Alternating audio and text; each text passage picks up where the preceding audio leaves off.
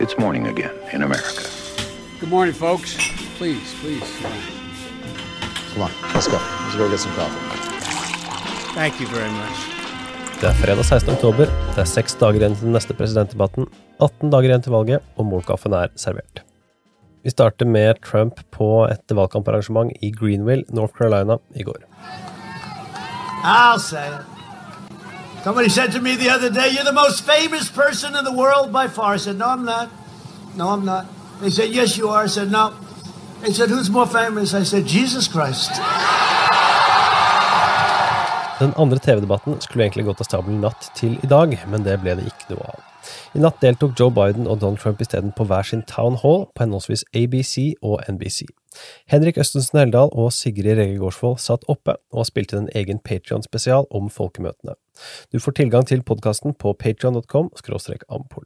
Og leder i Senatets justiskomité, Lindsey Graham, har spikret datoen for bekreftelsen av Amy Coney Barrett til Høyesterett. Det blir 22. oktober, og majoritetsleder Mitch McConnell tar dermed bekreftelsen videre til Senatet som helhet 23. oktober. McConnell har uttalt at republikanerne har stemmene de trenger for å godkjenne Barrett. Facebook og Twitter har aktivt gått til verks for å begrense spredningen av en New York Post-artikkel på sine plattformer. Artikkelen tar for seg påståtte e-poster fra Hunter Biden, som skulle ha kommet Rudy Giuliani i hende. Artikkelen har blitt tatt flittig i bruk av Donald Trump, særlig på Twitter, og patrons av nettsiden vår får høre mer om dette senere i dag. Så er det en solid Biden-ledelse i en ny nasjonal måling fra NPR og PBS. Den gir Biden en ledelse på 11 poeng, 54-43, blant sannsynlige velgere. Dagens første sak – positive koronatester for Biden-Harris-kampanjen. Torsdag kom nyheten om at koronasmitte har nådd valgkampstaben til Kamala Harris. Harris' kommunikasjonsdirektør Liz Allen skal sammen med en person knyttet til kabinpersonalet om bord på et fly, fått bekreftelse på testen sent onsdag kveld. Harris testet negativt onsdag og også torsdag. Ifølge Joe Bidens kampanjesjef Jennifer O'Malley Dillon skal ikke de smittede ha hatt nærkontakt med verken Biden eller Harris i løpet av 48 timer før de avla positive tester. Kampanjen ønsker derimot å være ekstra føre var, noe som resulterer i at Harris sine reiseplaner legges på is helt fram til søndag. Bidens valgkamparrangementer fortsetter uten endringer. Dagens andre sak. CNN kan melde at det allerede har blitt registrert mer enn 17 millioner stemmer, fordelt på 44 delstater og District of Columbia. Dette kommer fram av en undersøkelse om valgdata fra CNN, Edison Research og Catalyst.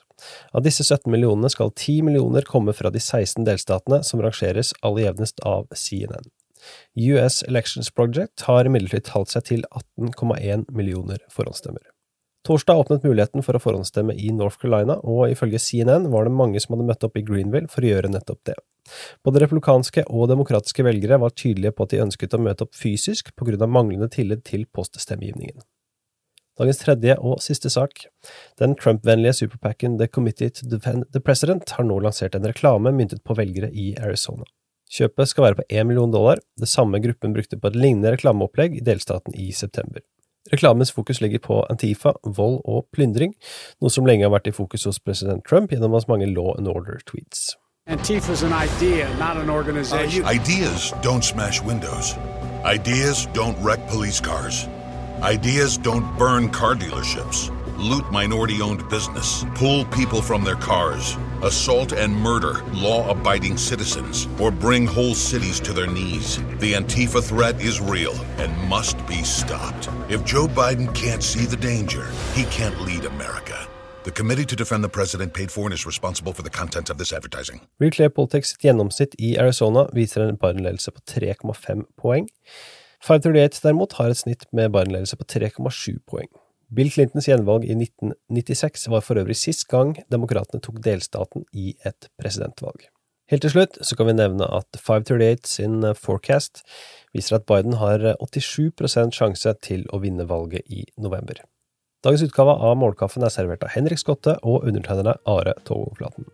Du hører som sagt mer på patreon.com ampol om townhallene i natt.